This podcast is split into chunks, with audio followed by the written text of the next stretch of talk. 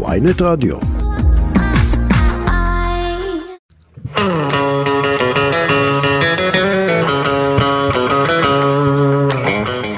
מחוץ לפריים שלום, אנחנו עם מאור שווייצר, אהלן. שלום, מה המצב? ברוך השם. השאלה המסורתית שאנחנו מתחילים פה, מאיפה אתה בא אלינו? אה, מהבית, מהבית. אתה קם מוקדם כזה? אתה... אני קם, כן, אני קם מוקדם. אה, עם שעון מעורר או טבעי? אני קם תמיד בשש וחצי טבעי. גם הלם. בדרך כלל אני נרדם על הספה, ועכשיו אין את ניב שתקים אותי למיטה. אז לפעמים אתה נשאר לישון בספה? אני תמיד נשאר ראשון בספה, ואז אני קם שש וחצי כזה, ואם אין לי משהו מיוחד לעשות וזה, אז יכול להיות שאני חוזר למיטה לככה שעה. בואנה, ואז- שש וחצי, יפה. כן, אז כשיהיה לכם ילדים בעזרת השם, אתה תיקח לגן. בעזרת השם. תגיד, מאור, אני חייב לשאול אותך, אפרופו, אתה הזכרת את אה, ניב סולטן, שאתם נשואים, ואתם כן. בני זוג כבר הרבה זמן. אה, התחלנו לדבר כאן לפני שפתחנו את המיקרופון, לפני שהתחלנו להקליט, על האופן, אה, התדירות שבה אתם מתראים ב- בשנים האחרונות. תעשה לנו תקציר קצר, שאתם יעל בר זוהר וגיא זוארץ החדשים.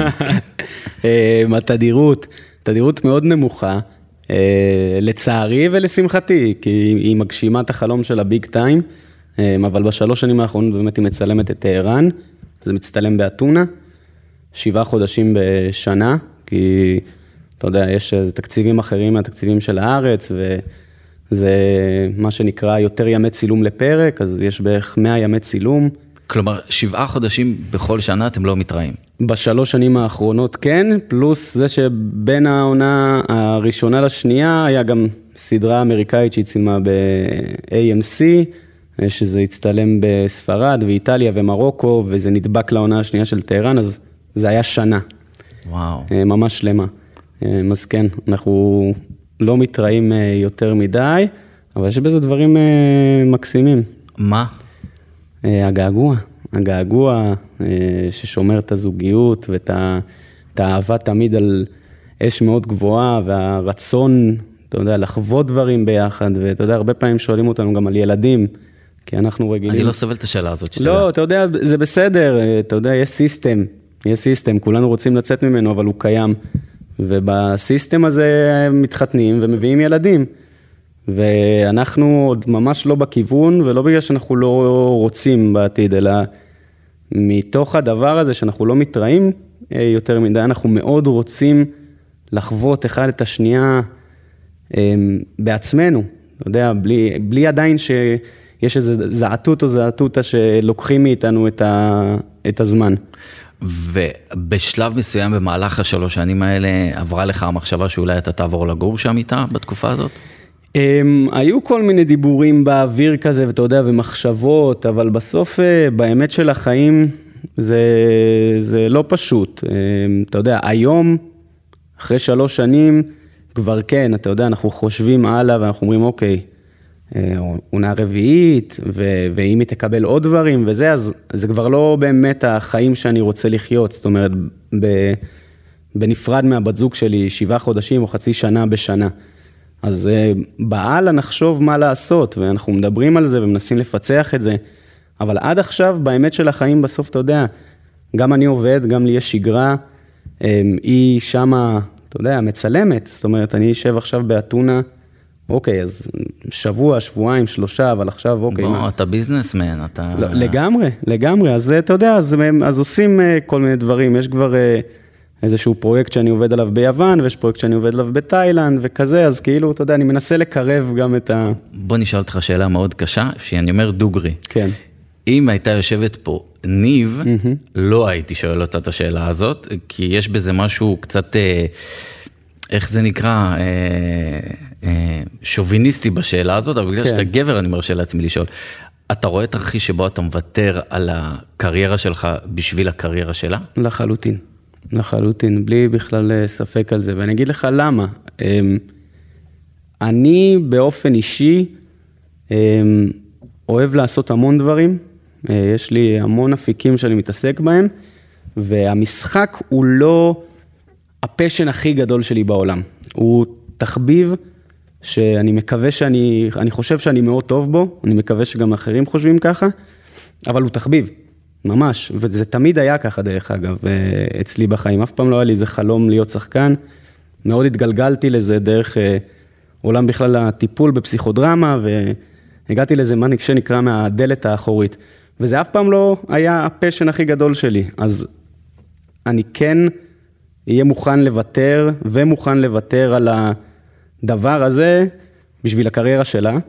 אמ, כלומר, אתה היית מוכן לוותר על קריירת המשחק שלך בשביל קריירת המשחק של ניב. כן, כי בסופו של דבר, אתה יודע, אנחנו, החיים האלה הם אה, ידרשו ויתורים, אתה יודע, הזוגיות הזאת היא, זה הדבר הכי חשוב לי בעולם. ואם, סתם למשל, הנה עכשיו אני בעוד אה, חודש טס לצילומים, mm-hmm. אוקיי? לכמה אתה, חודשים. אתה באמת טס. באמת. כן, כן, אוקיי. וניב, עוד חוזרת. חודש, עוד חודש חוזרת אחרי שבעה חודשים. ואז זה אומר שבערך, שוב, עוד שנה לא נהיה ביחד. עכשיו, אתה יודע, בסוף, עכשיו, אוקיי, זה בסדר, ואתה יודע, אנחנו עושים את זה, אבל מתישהו זה יצטרך להסתיים. ובשבילה המשחק הוא באמת פשן מה, מהנשמה. ולי יש עוד הרבה דברים שאני אוהב לעשות, ואני אוכל למצוא את עצמי בכל מקום שהיא תהיה. שמע, זה די מדהים שאתה אומר לי, אני, אני חושב שבחוץ, בוא, יש אנשים שמוכנים להרוג במרכאות כדי להגיע אה, לקריירת משחק שיש לך. ולומדים משחק שלוש שנים, וממלצרים, ואתה יודע, ומחפשים את עצמם ורק כל... ואתה אומר, מסתחביב. כאילו, זה, זה די מטורף. אמ, תשמע, אתה יודע, כל אחד ו- וה- ו- ו- ומי שהוא, אמ, זה לא שאני לא נותן את כל כולי, ואתה יודע, אני חושב שהגעתי לאן שהגעתי, ברוך השם, מתוך עבודה באמת קשה. גם אני למדתי שלוש שנים, גם אני מלצרתי. גם אני- מלצרת כדי להיות שחקן? אמ, לגמרי, לגמרי, אתה יודע, גם אני בש, של, בסופאשים שלא למדתי, אתה יודע, לומדים- אז, אז זה כן היה איזושהי מטרה בלוח המטרות שלך, רק לא הייתה המטרה העיקרית. אמ, לא יודע אם זו הייתה מטרה, זה הפכה להיות מטרה בשלב מסוים, זאת אומרת, הגעתי באמת לבית ספר למשחק אמ, בגיל 18 וחצי, אחרי שלא גייסו אותי לצבא, שחררו אותי בגלל כל הבעיות הרפואיות שלי, וזה היה אחרי חצי שנה של טיפול בפסיכודרמה אצל אה, מטפל שיש לו גם בית ספר למשחק. אייל כהן, בית ספר הדרך, אה, אה, אולי עופר דיבר על זה, למדנו ביחד, הוא למד כמה שנים חיון, מעליי, כן. כן, עופר חיון. וזה היה איזה מין, אתה יודע, אה, המשך של הטיפול מבחינת המטפל ומבחינתי. אבל תגיד, זה לא מקצוע פסיכי מדי כדי להיות בו על הדרך? אה, זה מקצוע פסיכי, אבל גם זה איך שאתה לוקח את זה. אתה יודע, יש... אה, מאיזה מקצוע לא פסיכי? לא, אבל זה מקצוע שאתה יכול לא לעבוד שנתיים, וזה מקצוע שאתה יכול פתאום בשנה אה, לא, לא לראות את אשתך. נכון. אה, זה מקצוע שיש בו המון המון עליות ומורדות וחוסר יציבות. נכון, אבל אני מצאתי את המקום הזה שהבין לבין, הוא, אני יודע איך למלא אותו. קודם כל, אני גם יודע לנוח, שזה דבר חשוב. אני יודע לנוח, אני יודע ליהנות מהחוגים שלי, מהפוצ'יבולי שלי, מהטניס, מהאמבטיות קרח, מהמדיטציה, אני עושה גם מלא אתה עושה דברים. אמבטיות קרח? יש לי בבית אמבטיות קרח כבר שנתיים וחצי על הגג, ואני... יש לך משימה אחת ברעיון הזה, ב- בשיחה הזאת. תזכיר לי שנדבר על זה לקראת הסוף. יאללה. אה, אז אתה אומר שאתה מצליח למלא את הזמן שלך? כן, אני יודע למלא גם ב... באמת, אה, אני עושה עסקים, אה, אתה יודע, יש לי... איזה עסקים אתה עושה?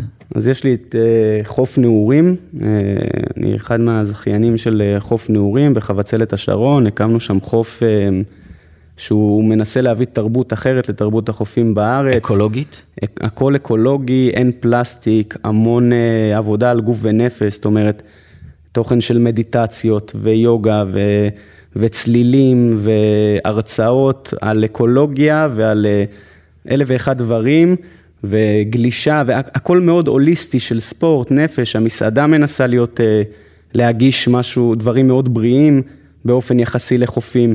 זאת אומרת, המקום הזה, נגיד, יש את החוף, היה את המלונות שהקמתי בפיליפינים, אה, אני עושה נדל"ן עכשיו בתאילנד וביוון. אבל אה, תגיד, מאיפה אתה מבין בנדל"ן? בוא. מאיפה הבנתי במשחק? בסוף- למדת. ב- כן, אבל אתה יודע, בסוף, אה, אתה יודע, אני אספר לך סיפור. יש לי חבר, ילדות, שנכנס לאיזשהו אה, מועדון לפני כמעט עשר שנים בנמל, בנמל תל אביב. ושם שם רבע מיליון שקל, אחד, כאחד השותפים, ואחרי כמה חודשים העסקה הזאת התפוצצה והפסיד את כל הכסף. ולידי, ממש לידי, הוא עשה את הטלפון לאבא שלו, שאומר, אבא, אה, הלך הכסף, הפסדתי את הרבע מיליון שקל. אתה יודע מה אבא שלו אמר לו? מה? אמר לו, הכל טוב. אה, אחותך הגדולה עלתה לי רבע מיליון שקל ב- במכללה, אתה יודע, ב- בלימודים. אתה עלית רבע מיליון שקל בחיים האמיתיים, בשכר לימוד של החיים האמיתיים. זאת אומרת, בסוף, אתה יודע, יש... אבל אה, זה כשיש כסף, אדוני. אין בעיה, אבל אתה יודע, בסוף אני נכנס לדברים, אמ, לא תמיד יש לי את הכסף להשקיע, אני לא איזה מולטי מיליונר, אפילו לא קרוב לדבר הזה. אתה יודע, אני הרבה פעמים סוגר עסקאות, אמ, עושה את כל החיבורים ומרוויח מזה את האחוזים ונשאר באחוזים שאתה יודע, על מה שנקרא על סגירת כל הדבר, הבאת העסקה, יש, אתה יודע, המון בואנה, אז דברים. אתה פוליטיקאי, חביבי. פוליטיקאי? כן, כדי לדעת לתווך בין עסקאות, לחבר בין אנשים. אמ, אני חושב שזה, אני חושב שבסוף זה, זה הכישרון הכי גדול שלי, אנשים.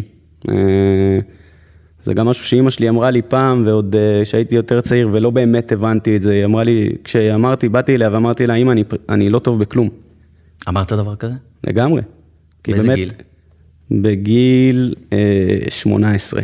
מה מביא אדם בגיל 18 להגיד אני לא טוב בכלום? אמ, קודם כל, לא למדתי בבית ספר, אמ, לא, לא הייתי ילד שהמסגרת הזאת התאימה לו, אה, והיה לי מאוד קשה, ואני, אתה יודע, קשיי קשב וריכוז והיפראקטיביות, והיה לי קשה לי מאוד ללמוד קרוא וכתוב עד גיל מאוחר, ואתה יודע, לא עברתי, עברתי ילדות אמ, אל מול עצמי, לא, לא פשוטה, זאת אומרת, אין לי איזשהו אה, כישרון לשפות, ואני לא הכי טוב בספורט, ואני לא יודע לנגן על שום כלי נגינה, ואתה יודע, ומתמטיקה היה לי קשה, ואנגלית היה לי קשה, ומחשבים אני עד היום יודע לכבות ולהדליק ב...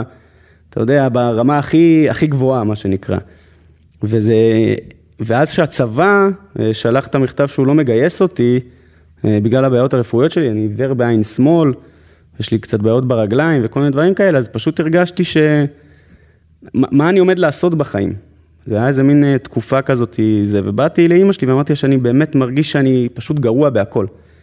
והיא חייכה אליי ואמרה לי שאני עוד לא מבין את זה, כי בגיל הזה שאתה צעיר אתה עוד לא מבין את החיים עד הסוף, אבל הכישרון שלי זה שאנשים אוהבים אותי, ושזה ייקח אותי מאוד רחוק בחיים. ואז עוד לא הבנתי את זה, אבל היום אני באמת מבין את זה. היום אני מבין שכל מה שאני עושה, כולל המשחק, כולל החיבורים בעסקאות, הכל זה בגלל שיש לי איזשהו כישרון עם אנשים.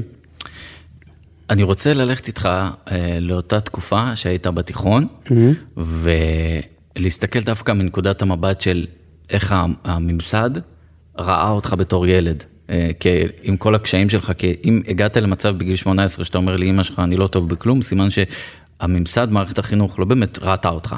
אמ, לגמרי, תראה, אני חושב שמערכת החינוך היא בעיה סופר חמורה במדינה שלנו. אני חושב שגם בעוד מדינות במערב, אבל אה, בעיקר במדינה שלנו, כי אני חושב שמערכת החינוך היא אחד הדברים היחידים בעולם שלא עברו התפתחות.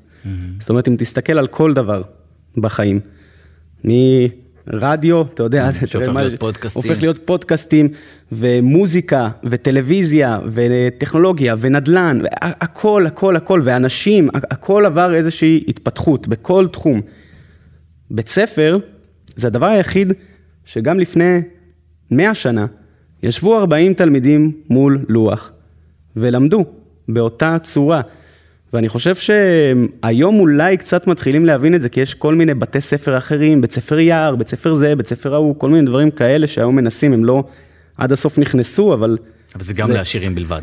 כן, וזה, אתה יודע, זה, אבל זה מתחיל להיות קיים ומתחיל להיות טיפה יותר מודעות אל זה, לזה שלא כל ילד מתאים לדבר הזה, מתאים למסגרת הזאת. זאת אומרת, אנחנו אנשים שונים, כולם הם בני אדם שונים, כל אחד זה עולם ומלואו. אתה זוכר את הקושי שלך? מתי למדת לקרוא ולכתוב?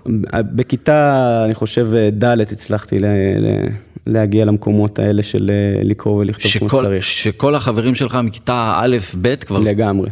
ואתה זוכר את הרגע הזה שאתה מנסה לקרוא, שאתה הופך להיות איזושהי בדיחה, אולי בפני עצמך, אולי בפני הכלל? אמ, תראה, אני חושב שאחד הדברים שהיו לי הכי הרבה מזל, זה שתמיד לא היה אכפת לי ממה שאנשים אחרים חושבים. היה אכפת לי ממה שאני חושב ואיך שאני מגדיר את עצמי. והיה לי מאוד מאוד קשה. אה, אל מול עצמי, כי גם נולדתי במשפחה שיש לי אח גדול, שעד היום, אתה יודע, הוא, היום אני מעריך את זה, והיום אני מעריץ אותו. אבל היה לי קשה לגדול ב, ב, תחת הצל שלו, כי הוא, הוא, נגיד, אם אני הרגשתי שאני לא טוב בכלום, אז הוא הרגיש שהוא טוב בהכל. Mm-hmm. הוא באמת טוב בהכל. הוא, הוא גאון, והוא יכול לנגן על כל כלי נגינה שת, שהוא יכיר, תיתן לו משהו שהוא לא פגש בחיים, אחרי חצי שעה הוא ינגן לך כל שיר שאתה, שאתה יודע, והוא מצייר מטורף, והוא יודע הכל, הוא, אתה יודע, הוא חי שנים בניו יורק, הוא יודע להסתכל על בניין, הוא ייתן לך את ההנדסה שלו מבחוץ, mm-hmm. ברמה כזאת, יש לו מוח אחר. ואני נולדתי אחרת, והיה לי אמ, קשה להכיל את זה בתור ילד, ולקח לי זמן לקבל את זה ולהבין את היתרונות שלי בתוך הדבר הזה. וכשאתה, אני רוצה, חשוב לי להתעכב דווקא על איך מערכת החינוך לא זיהתה ילד שקשה לו. אמ, אתה יודע, קל היום, אה, קל היום לטפל בסימפטום ולא במחלה. אוקיי? דחפו לי רטלין, אתה יודע, מגיל מאוד צעיר, 40, גרם, 40 מיליגרם ביום. אמ, ואתה יודע, והשתיקו אותי, ו, וישבתי כמו זומבי, ו, ואתה יודע, זה, זה כמו, אני אתן לך את הדוגמה הזאת, אני אוהב לתת את הדוגמה שאם נכנס לך עכשיו אה, איזה גרגר חול בלי לשים לב לגרון. Mm-hmm. ויום למחרת אתה תקום, אתה תתחיל להשתעל קצת, תתחיל להשתעל ופתאום שיעול והוא לא עובר יום-יומיים ואתה תלך לרופא, ומה הוא ייתן לך? ייתן לך סירופ לשיעול. ואז הסירופ לשיעול הזה יעביר את השיעול. אבל הגרגר של החול עדיין תקוע פה. זאת אומרת, זה מערכת החינוך היום, הם, הם לא יודעים לזהות את המחלה, במרכאות, אני אומר. את הבעיה. את הבעיה, כן, אתה יודע, הם, הם, הם מנסים לטפל בסימפטום, זאת אומרת, יש 40 ילד בכיתה, אחד מפריע, אחד קשה לו, נשתיק אותו, ניתן לו רטלין, ניתן לו זה, או שנעביר אותו לכל מיני אה, הדרכות פרטיות. ומה היה ההשלכות עליך? אתה היית יוצא מהכיתה, לא לומד? אני לא הייתי מגיע לבית ספר. לא הייתי מגיע לבית ספר. באישור, היה... באישור ההורים שלי, דרך אגב. תגיד, לא הייתה או לא היה מורה או מורה אחת שזיהו את זה ואמרו, בוא ניקח אותך תחת חסותנו? אמ, לא, לא משהו שזכור לי. אם לא זכור לך אז לא היה. לא, לא משהו שזכור לי מאוד. עוד פעם, גם לא באשמתם, אתה יודע, זה לא שעכשיו אה, מורים זה, זה דבר רע שלא יודע לזהות זה. תשמע, הם מתעסקים בכיתות מלאות, עם, אה, והם מקבלים משכורות בושה. כי זה, אתה יודע, כי זה מקצוע שלא נחשב, ואתה יודע, מה שצריך לחנך אותנו זה מקצוע נכון. שלא נחשב, אז איך נהיה מחונכים? אתה יודע, נכון. אנחנו מתפלאים אחר כך שהמדינה שלנו נראית ככה. אז כאילו, אתה יודע, מה אתה יכול להגיד למורה שבסוף צריך להתעסק עם 40 תלמידים, הוא מרוויח מינימום, כאילו, הוא עובד, קורע את התחת כל היום, אתה יודע, זה, זה קשה. תגיד, ובתוך כל הקושי הזה של הלמידה, היית גם בעודף משקל, נכון? נכון, כן. שזה מה זה עודף משקל? 107 קילו. באיזה גיל? עד uh, גיל 18, בערך 18 וחצי, כל הילדות. אז, אז, אז אני מניח שגם זה וגם זה... כן, אבל על, על זה נגיד, אני יכול להגיד שכמו, התחלתי להגיד, אני אף פעם לא אכפת לי מה אנשים אחרים חושבים, היה אכפת לי מה אני חושב, זה אף פעם לא הפריע לי, היה לי המון ביטחון, ואני יכול להגיד שאני התחלתי לרזות רק כשזה התחיל להפריע לי, זאת אומרת, בגיל 18 וחצי בבית ספר למשחק, פתאום הבנתי שאוקיי, אני לא רוצה לקבל את התפקידים הטייפקאסט שמן, כאילו, לא שיש לי בעיה עם זה, אבל אני רוצה טייפקאסט יותר רחב.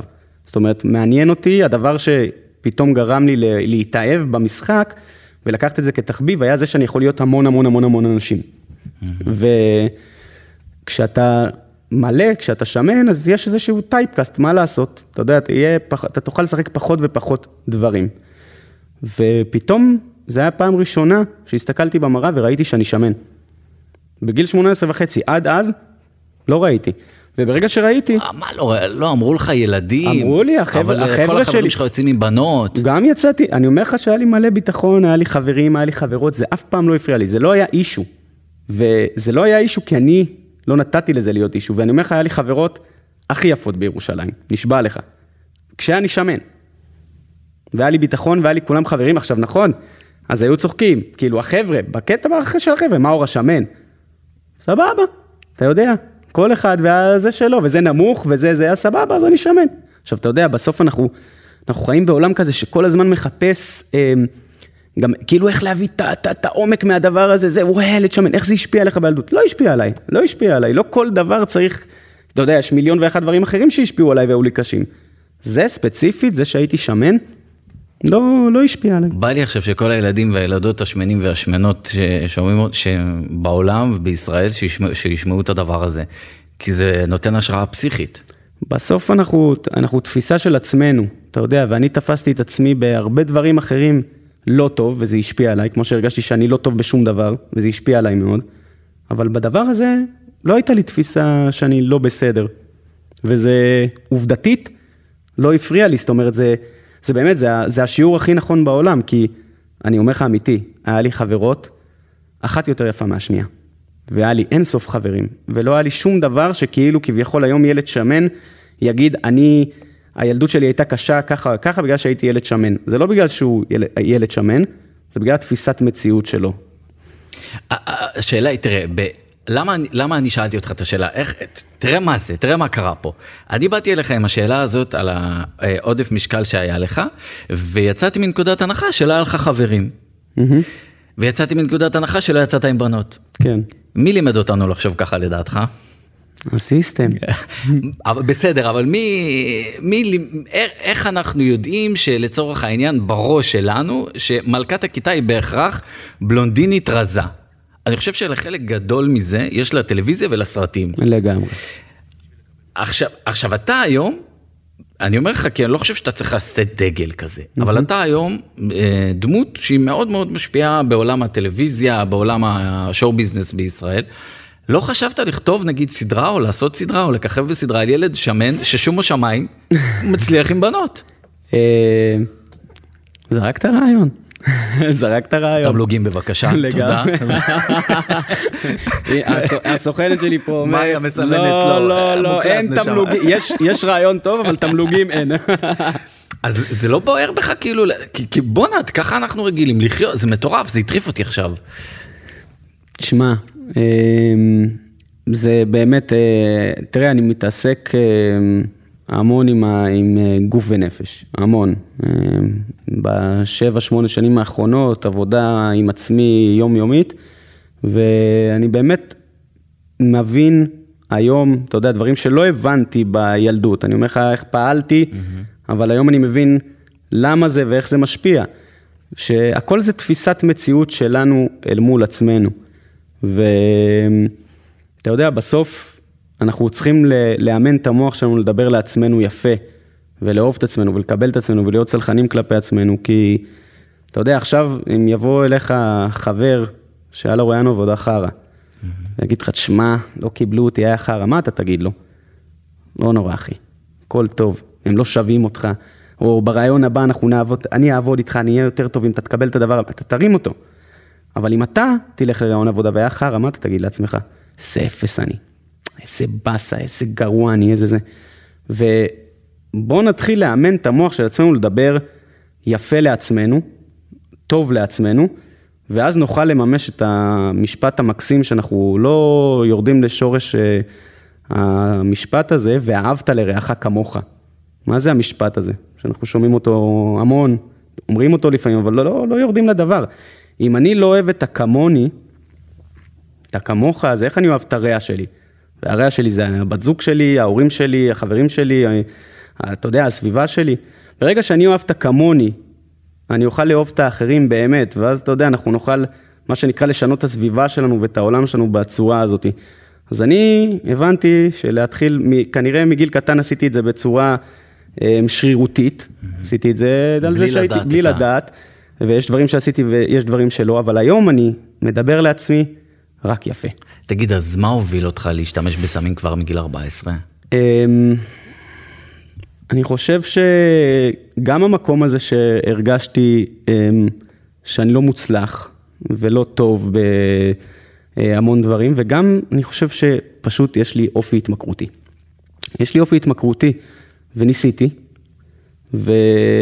וזה שאב אותי. זה שאב אותי ממש, ממש, ממש.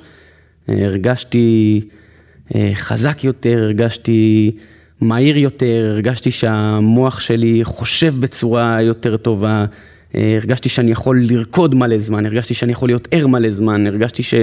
אתה יודע, שאני הגרסה הטובה ביותר של עצמי עם סמים. רק נגיד שבדיעבד כל זה התברר כ fake.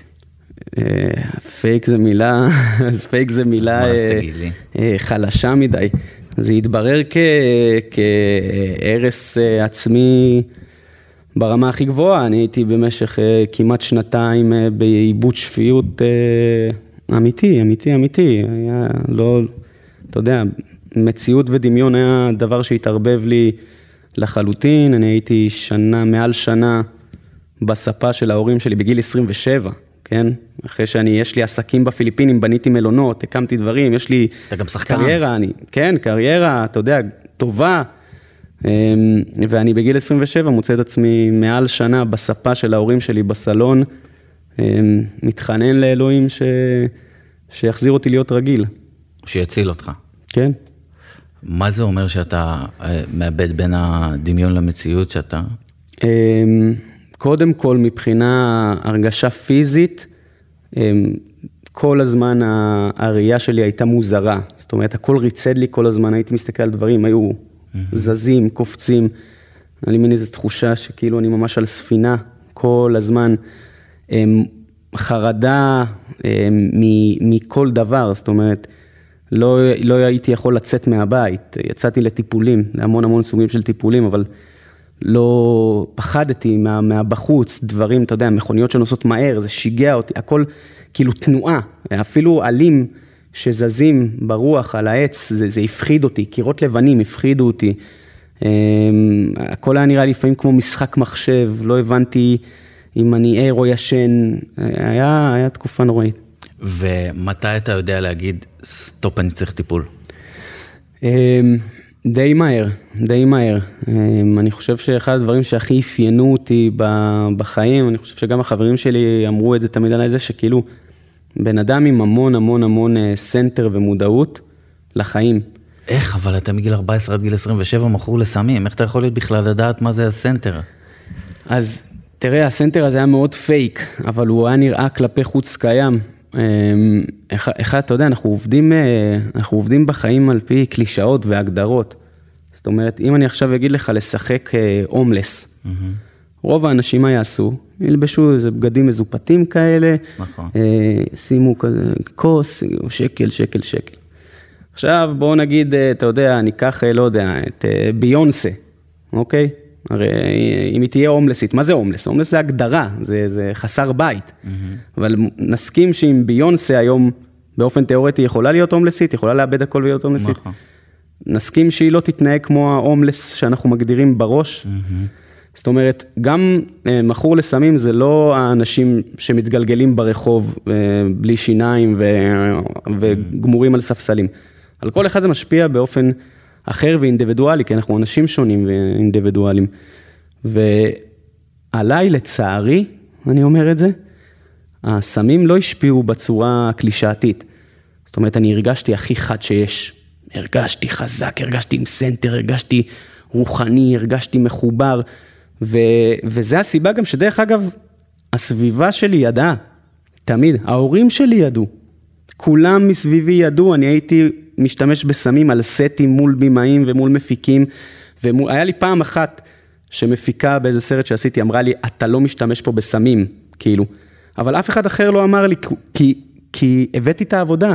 תמיד זכרתי את הטקסטים, תמיד הייתי קם, לא, לא היה סיטואציות בחיים, פעם אחת בחיים קרה לי, וגם לא בגלל סמים, שלא התעוררתי ליום צילום. כי נדפק לי הטלפון בלילה, קרה לו איזה משהו, אתה יודע, הטכנולוגיה.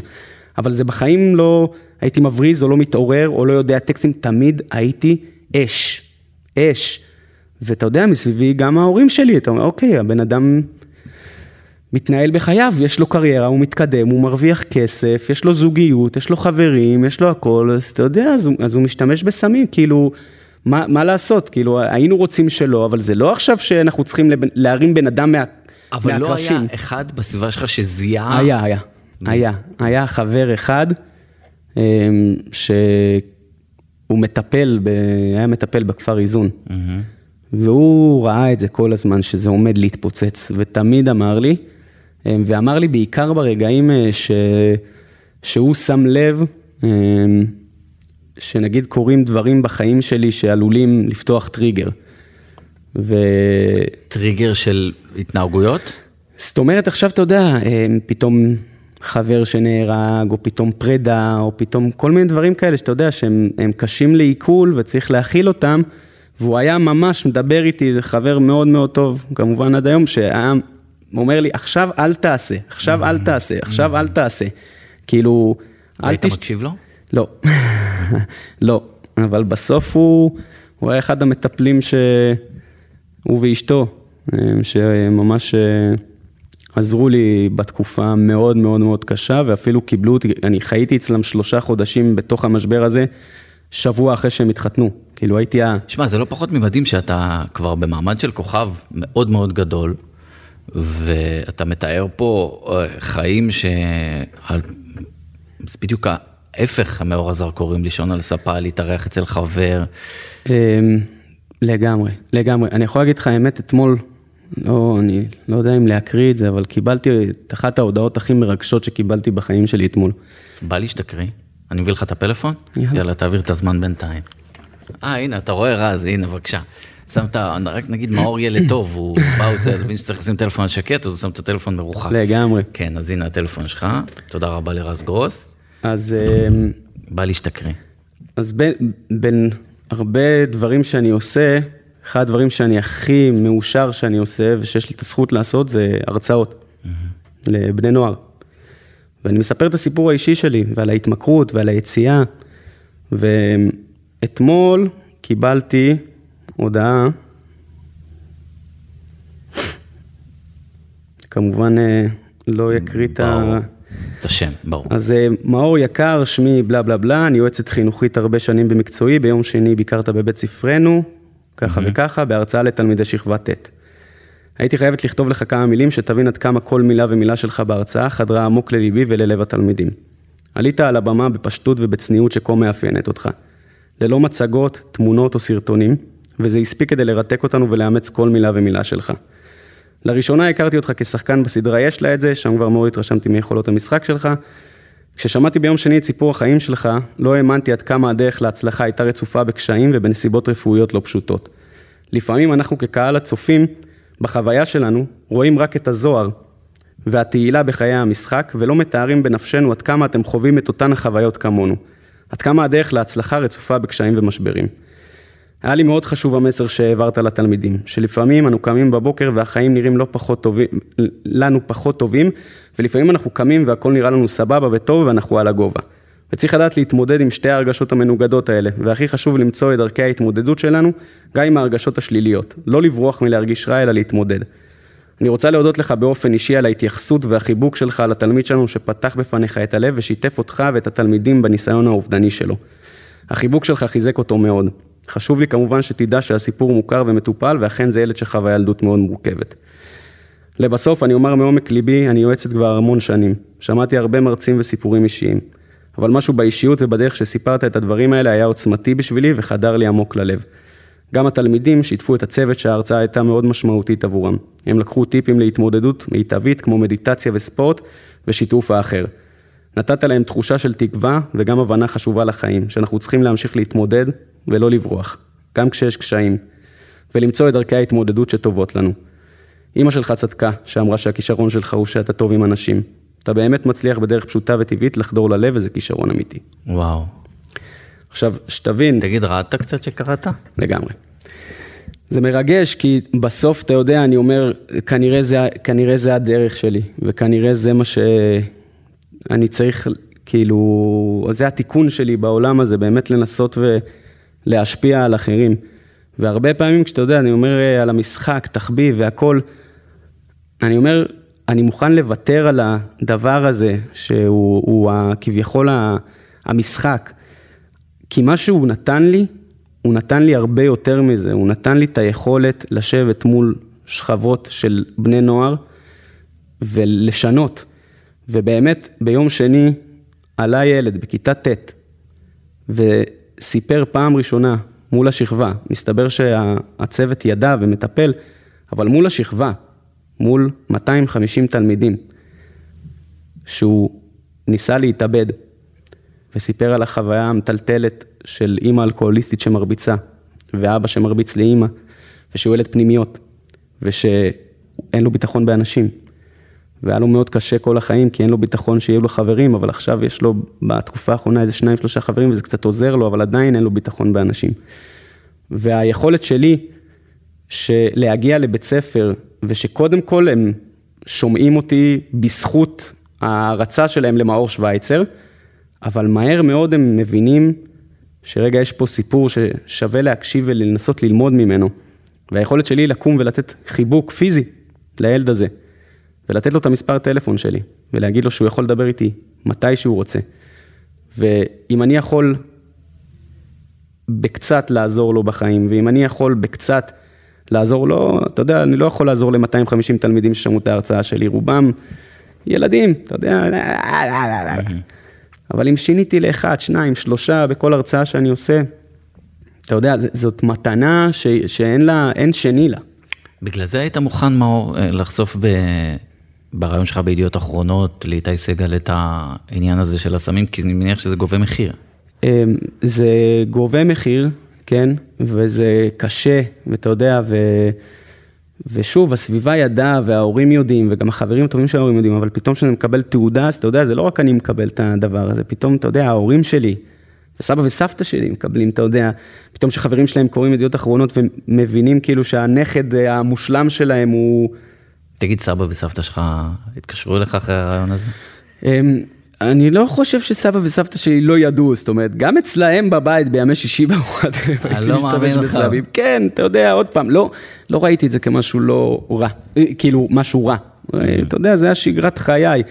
אה, אתה יודע, לשמוע את זה בסוף ולקרוא את זה ולראות את זה in your face, מה שנקרא, אני בטוח שזה קשה, אבל... אה, זה מאוד, אני חושב שזה היה מאוד מאוד אמיץ מצידך. ואני רוצה להגיד לך שזה ראוי להערכה ולהערצה, וכמובן שנגיד מפה לכל מי ששומע את זה, ששמים, בוא נגיד שזה דבר רע ומחוץ לתחום, על אף מה שזה עשה לך בזמן אמת, שהרגשת כן, שאתה חד. אתה יודע, אני, אני חושב שאנשים אה, הרבה פעמים פשוט לא מבינים. והיום אתה נקי כבר כמה? אה, שש. שש שנים. אתה עוד סופר? אה, אני פשוט יודע ממתי, אתה יודע, mm. אה, אני יודע שזה... ממאי לפני שש שנים, כן, אז שש וקצת, אה, אם עכשיו אני אגיד לך... אין לך את ה... אין לי טבלת, לא, אתה יודע, שש שנים, שבוע, כן. יומיים וארבע שעות. ומתוך זה יש לך את החשש לחזור? לא, בכלל לא. בכלל לא. גם באף אה, אירוע קשה שמלווה אותך? לא. זו שאלה שהרבה פעמים הבני נוער שואלים אותי אחרי הרצאות. ויש לי תשובה מאוד מאוד חדה לגבי הדבר הזה. אני לא מרגיש שאני, אה, אתה יודע, רגיל בין האנשים שהיו מכורים לסמים ונגמלו. כי כשאתה מחליט לעשות גמילה מתוך מקום, לא קרה לך כלום, אבל אתה פתאום מרגיש, מה זה לא קרה לך כלום? אתה מרגיש שזה לא טוב לך, וזה mm-hmm. מוריד אותך, וזה זה, ואתה ככה, ואתה... לא כי אחרים שכנעו אותך, אלא כי אתה כן, הגעת למסקנה. בדיוק. אז, אז כאילו אתה, אז, אתה, אז זה קשה, כי כל פעם שאתה רואה את זה, וזה, זה, זה יש crave. Mm-hmm. אני איבדתי את השפיות, אמיתי. איבדתי את השפיות. זאת אומרת, היה שנה וחצי בחיים שלי, שמה שקורה פה עכשיו זה מדע בדיוני. מדע בדיוני, שאני ואתה יושבים ומדברים, ויושבים ביחד ומנהלים שיחה. זה לא, זה לא היה נראה שזה יכול לקרות שוב. וברגע שאתה מאבד שפיות ברמה כזאתי, הדבר האחרון שאתה מוכן זה שזה יקרה שוב. שום סיכון שזה יקרה שוב בחיים. אני מתעורר היום בבוקר רגיל, בתחושה שלי, וזאת המתנה הכי גדולה בחיים. ואני במשך שנה וחצי זה כל מה שרציתי, להתעורר ולהיות רגיל. אני עם הסמים גמרתי. בטירוף. אה, אתה עכשיו עם שתי סדרות חדשות, כן. אה, שמיים אדומים ברשת, נכון, והשוטרים בקשת, נכון, אתה אתה רוקד על שתי חתונות במקביל, כן, חבל הזמן. וגם סרט בקולנוע, אז אומר כן, לי, נכון? כן, סרט בקולנוע ועוד שני סרטים שצריכים לצאת, כן, כן, mm-hmm. זו תקופה, תקופה מאוד uh, פוריה ואינטנסיבית של, uh, של uh, באמת שנה וקצת עבודה uh, שמאוד מאוד uh, קשה או מאתגרת וארוכה מפרויקט לפרויקט, שעכשיו הכל יתנקז לביחד, שהכל יוצא במקביל, וזה מרגש וזה מדהים, ובאמת... אתה יודע, במקרה גם, זה יכול להישמע מה זה קלישאה, mm-hmm. אבל במקרה זה שתי סדרות שאני כל כך אוהב, באמת, באמת, קודם כל השוטרים, העונה הזאתי, העונה השנייה. העונה השנייה, כן, התחלף הבמאי, mm-hmm. הבמאי הקודם היה רותם שמיר, אה, פאודה וזה, אתה יודע שהוא כבר mm-hmm. בנטפליקסים לגמרי ועושה דברים כן. גדולים, והוא נשאר היוצר של הסדרה והוא מאוד ליווה אותנו, אבל נתנו הזדמנות לבמאי אה, צעיר בשם דן סחר, שבעצם הוא היה אה, אחד מהגאונים הכי גדולים בארץ ל visual effects. Mm-hmm.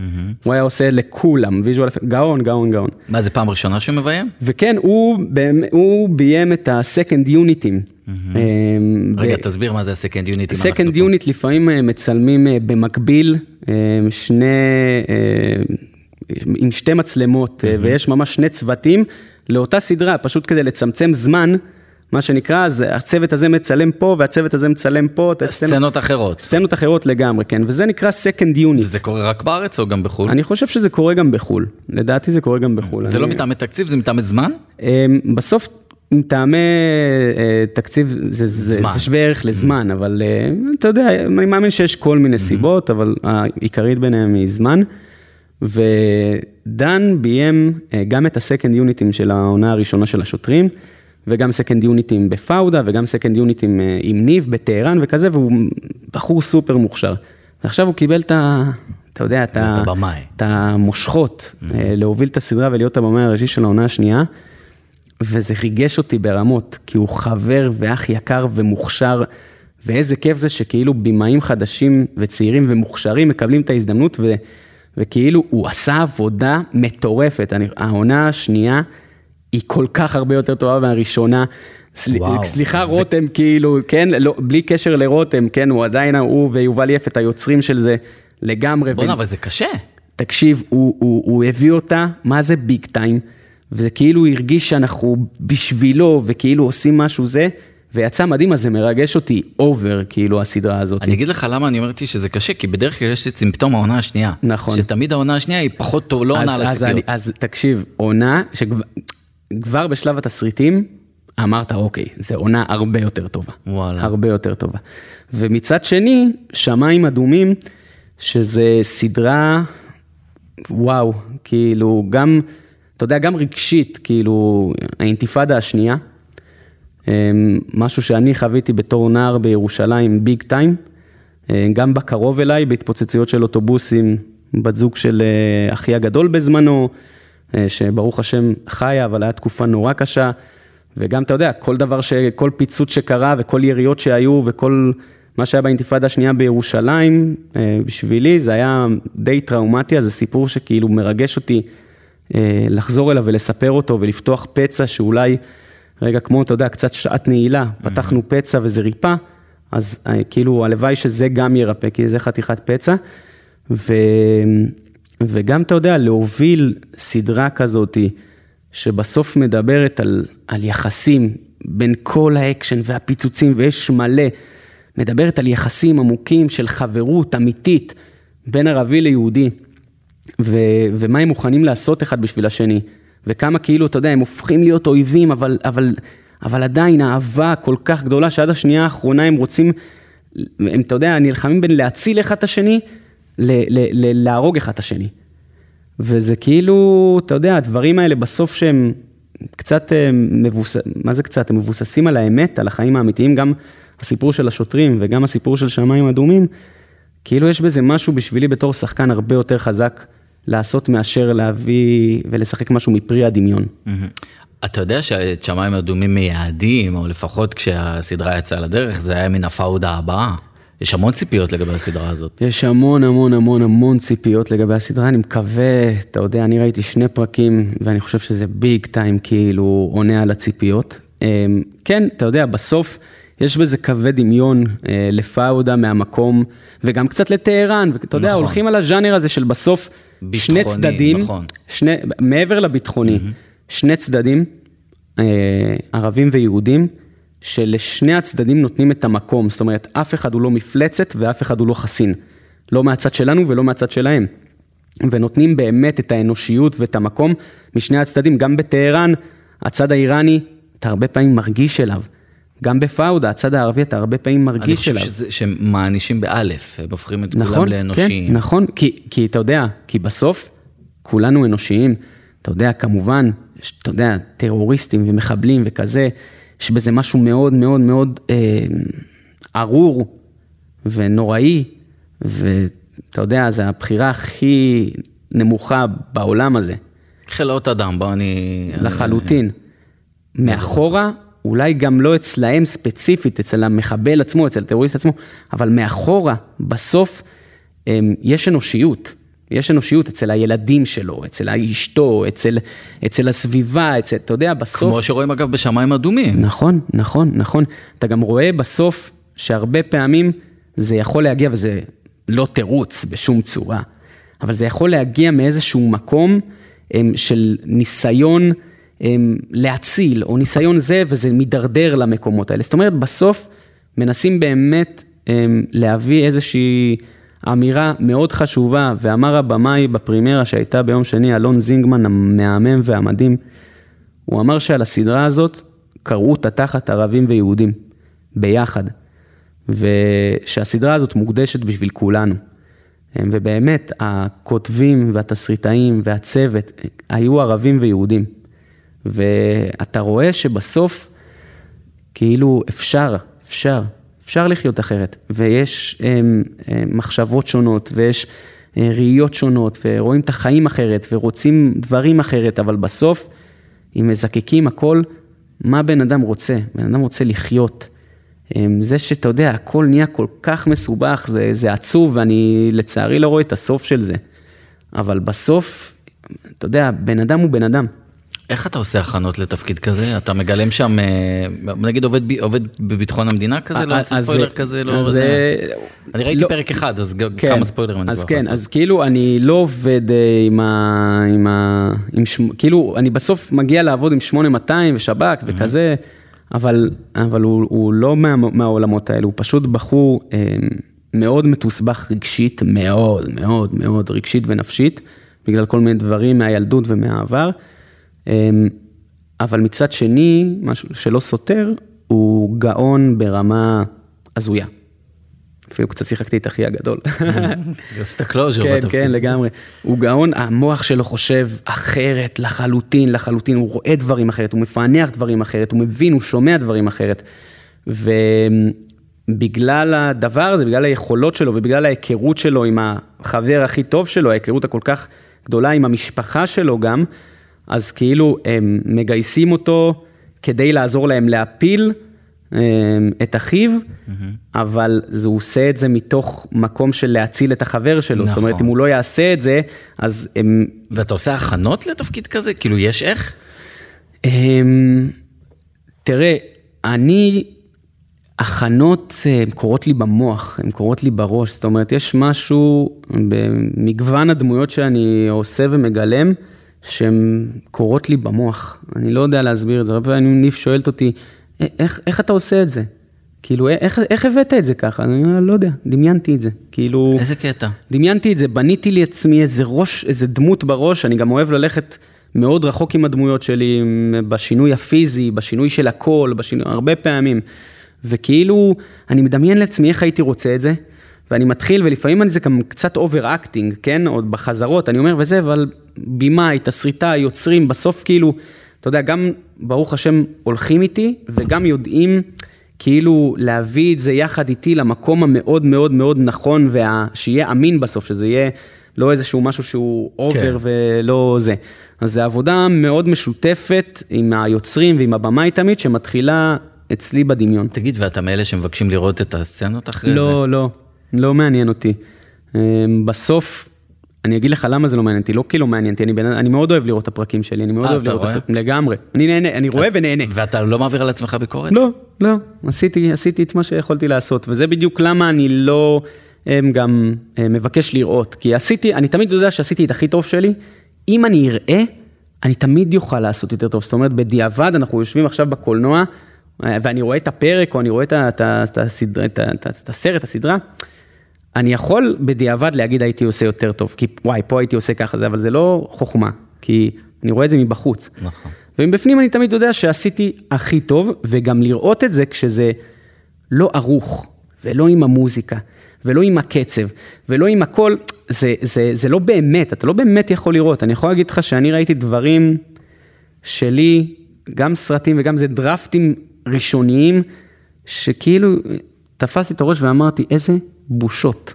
יואו. ואז בסוף אתה רואה את זה בפרק, שזה ערוך, וזה עם המוזיקה, ועם הזה, וחתכו קצת פה, והכניסו פה, והכניסו פה, שאתה אומר, בואנה, איזה שחקן אני, וואו. אז כן, בסוף עריכה היא, היא הדבר הכי חשוב. בוא, אז אתה מזכיר לי שאני אומר, הייתי עומד ליד אמא שלי שהייתה מבשלת במטבח, אתה אומר, לא, לא, אבל אומר לה, את שמה את זה, את שמה את זה, לא לעמוד לי פה, תאכל שיהיה מוכן. לגמרי, אז זה- לגמרי, נכון. אז זה בול. הדבר. אמ, רציתי לשאול אותך, אה, אני, אני חושב שהמשחק אצלך, כמו שאתה אמרת, הוא, הוא תחביב, אבל המשחק מביא איתו גם פרסום, מביא איתו המון חשיפה. אמ, ואתה לא מת על זה כל כך, אני חושב. אני לא יודע להגיד, אה, כאילו, אז גם, אתה יודע, אני לא רוצה ללכת לקיצוני, אני לא מת על זה, אני לא, אתה יודע... לא מת על זה, זה עוד עדין. לא, תראה, מה זה לא מת על זה? אני לא, אני לא, לא אוהב את זה, אני גם לא שונא את זה, זאת אומרת, אני לא מאלה שמסתגרים בבית ולא רוצים, ו... ו- ולא לא אירוע ולא זה וככה וככה, לא, לא, לא, כאילו וזה, אתה יודע, מכניס אותי לחרדות, לא, אני פשוט לא, אתה יודע, לא מייחס לזה המון חשיבות. לא, אבל אתה יודע, היה תקופות פחות כאילו, גם בפרידה המיני, ואז... אה, כן, ברגעים האלה זה יותר קשה, אתה יודע, ברגעים האלה אז איך אתה לוקח את זה אז, את החדירה הזאת לחיים הפרטיים? אני מנסה לא לתת לזה חשיבות. תראה, בסוף, אתה, הרבה פעמים, באמת, אני אומר לך עם יד על הלב, אני הולך ברחוב, בן אדם בא לבקש ממני להצטלם, ו- וזה, במאית שנייה הראשונה זה מפתיע אותי. לא בגלל שאני, אני לא זוכר. אני לא זוכר שבן אדם אמור להכיר אותי, אתה מבין? אני לא נכנס עכשיו לבית קפה, יושב, וואלה. נו, מי, מי פה מכיר אותי, מי פה לא מכיר אותי. אתה יודע, זה, זה, זה עיבוד שפיות. אני, אני, אני לא זוכר, אני מתנהל בחיים שלי הכי רגיל בעולם. אז, יכול- אז אתה עושה את כל מה שאתה רוצה לעשות בלי לחשוב איך בלי אתה תיראה? בחיים אני אבל לא עכשיו חושב אני לוקח אותך להרצאה שלה בפני 250 ילדים. כן. כי אם ילד רואה שאתה עושה משהו שהוא קצת פחות אה, אה, זה ואתה עשית את זה כי לא שמת לב, אז כן יש לזה אחריות. כן, אבל אתה יודע, אני נוהג באחריות, אבל לא, לא, עכשיו תראה, אם אני ארצה לעשות אה, משהו ב, בים, או ב, אתה יודע, או בכל מקום אחר שהוא ציבורי, ואני ארצה לעשות אותו, ואני לא ארגיש שאני עלול לפגוע באנשים, מה, מה, מה יכול להיות לא בסדר? זאת אומרת, אם אני עכשיו, אה, לא יודע מה, ארצה לתת נשיקה לניב, או להתחבר, או לתת אה, כפכוף לחבר, או, או לצחוק בטירוף, או להוריד חולצה ולהשתזף, או, כל דבר, או, לה, או להדליק סיגריה, אתה יודע, כאילו, אני לא עכשיו אה, לא אדליק סיגריה כי יש פה מיליון ילדים, וכאילו, אתה יודע, אני לא כוכב ילדים, אני לא זה, אני לא, אתה יודע, אני לא, לא מנסה לשמש דוגמה, ואני? לא... מה? אם היית כוכב ילדים אז היית לוקח את זה בחשבון? כנראה שלא הייתי, כי אני... כן היית. לא, אני, תראה, עשיתי סדרות ילדים, נכון. אף פעם לא הלכתי לעולמות האלה, אף פעם לא הלכתי להרצות, אה, להנחות בערוץ Mm-hmm. הילדים, או לא, לא הלכתי לפסטיגלים, או לא הלכתי למקומות האלה, כי, כי זה לא האופי שלי, זה לא האופי שלי, זאת אומרת, אני לא עכשיו יכול לשמש דוגמה לבני נוער וכאלה במקומות של החיי יום יום שלי, כי אני לא רוצה לחשוב על זה, על האם לעשות או לא לעשות, אני חי את חיי. ברור, ברור. תשמע, יש לי שני דברים להגיד לך לקראת סיום. אחד, אמרת שיש לך הפרעות קשב. ומהרגע שהקראת פה את ההודעה המרגשת הזאת, הטלפון שלך היה מונח אה, מולך, והיה לך מלא וואטסאפים ועניינים, נכון. וכל שנייה התלבטתי אם אני הופך את הטלפון או לא, ועליך זה לא השפיע על קצב הדיבור כהוא זה, כן. ולי זה הפריע בקצב ההקשבה ולא הפכתי לך את הטלפון, אז כן. אני לא יודע אם יש לך הפרעות קשב, אני לא לא, בטוח. משהו. ה- יה- כבר אין לי הפרעות קשב. אה. אתה יודע למה? למה? כי אני עושה מדיטציות. הופה, אה, ואפרופו מדיטציות, בוא נראה אם יש לך זיכרון טוב. אמבטיית קרח. יפה, יא סלאם. תספר לי קצת על אמבטיית קרח. אז אמבטיית קרח אמ, זה חלק מבאמת התהליך שעברתי עם עצמי וכל החיפוש של, אה, של חיזוק הגוף והנפש שלי, וגיליתי את זה לפני שנתיים וחצי, אה, יחד עם אנחל דרך אגב. אנחל בונן. אנחל בונני, my bestie. כן, אתם חברים טובים? כן, אח יקר שלי. ואני אגיד לך מה מדהים בזה.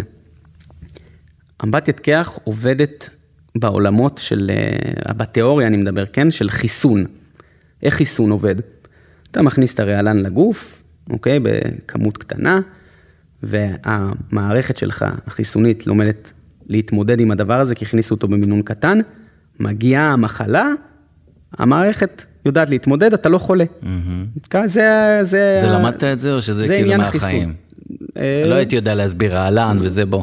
אני לא יודע, אוקיי. לא יודע. מהמם. אז כאילו ככה עובד חיסון, זה, ה, זה למה מתחסנים, אוקיי? אמבטיית קרח עובדת בדיוק אותו הדבר על מערכת העצבים שלך, על סטרס. ברגע שאני מכניס את עצמי לאמבטיית קרח, אני עושה מניפולציה על הגוף שלי של סטרס. זאת אומרת, ברגע שאני נכנס לאפס מעלות, או מעלה, לא משנה, אני נכנס וכל הגוף שלי צועק, הצילו, הצילו, הצילו, אני עומד למות, אני עומד למות. עכשיו, אם אני אשב שם חצי שעה, שעה, אני אמות מהיפותרמיה, אוקיי? אבל ברגע שאני עושה לו את המניפולציה, ואני עושה את זה מדוד, זאת אומרת, אני יושב חמש דקות, מה הגוף לומד כל יום? הוא מקבל מנה קטנה של סטרס. Mm-hmm. ואז מערכת העצבים שלי לומדת להתמודד כל יום עם סטרס. ואז כשמגיע סטרס, בחיים אמיתי, אתה לא חווה אותו בצורה הקיצונית. זאת אומרת, מערכת העצבים שלך כבר יודעת להתמודד עם סטרס.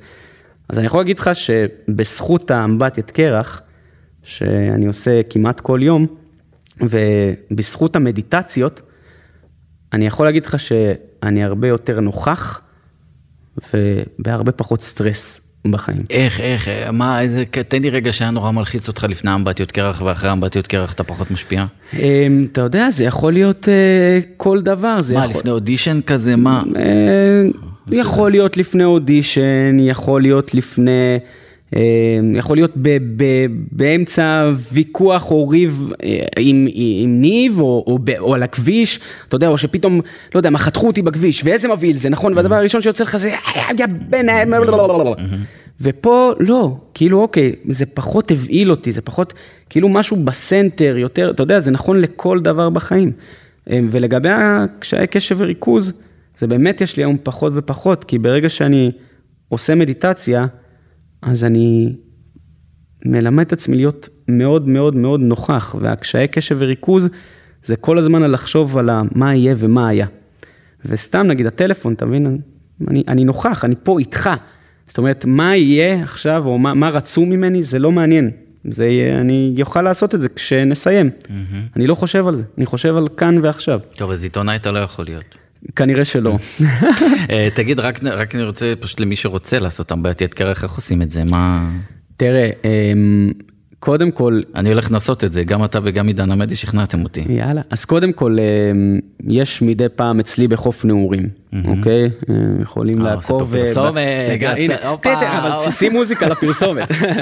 לא, באמת, יש גם, אה, כאילו, אני לא יודע איפה עושים את זה, נגיד בתל אביב או בזה. מה, עידן עמדי אמר הוא לוקח אה, קרח מהתחנת דלק ושם באמבטיה. אה, אוקיי, אז אתה יודע, זה מה שנקרא, זה אני, נגיד בבית, יש לי מקפיא, גלידות. אוקיי. Okay. שאתה יודע, חיפיתי אותו בצורה יפה, עם עץ והכל, mm-hmm. כדי שלא פשוט יישב לי מקפיא גלידות בגג. כן.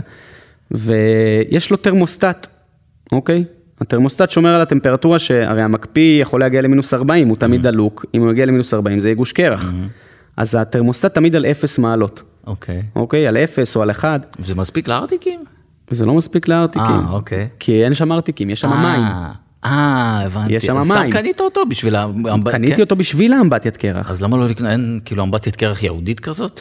תשמע, בסוף אני לא רוצה כל פעם ללכת ולהביא 20 שקיות קרח ולהרים שלוש קומות. וזה, אני רוצה שתמיד, בכל רגע נתון, יהיה לי לפתוח את הדבר הזה ויש לי אמבטיית קרח מוכנה.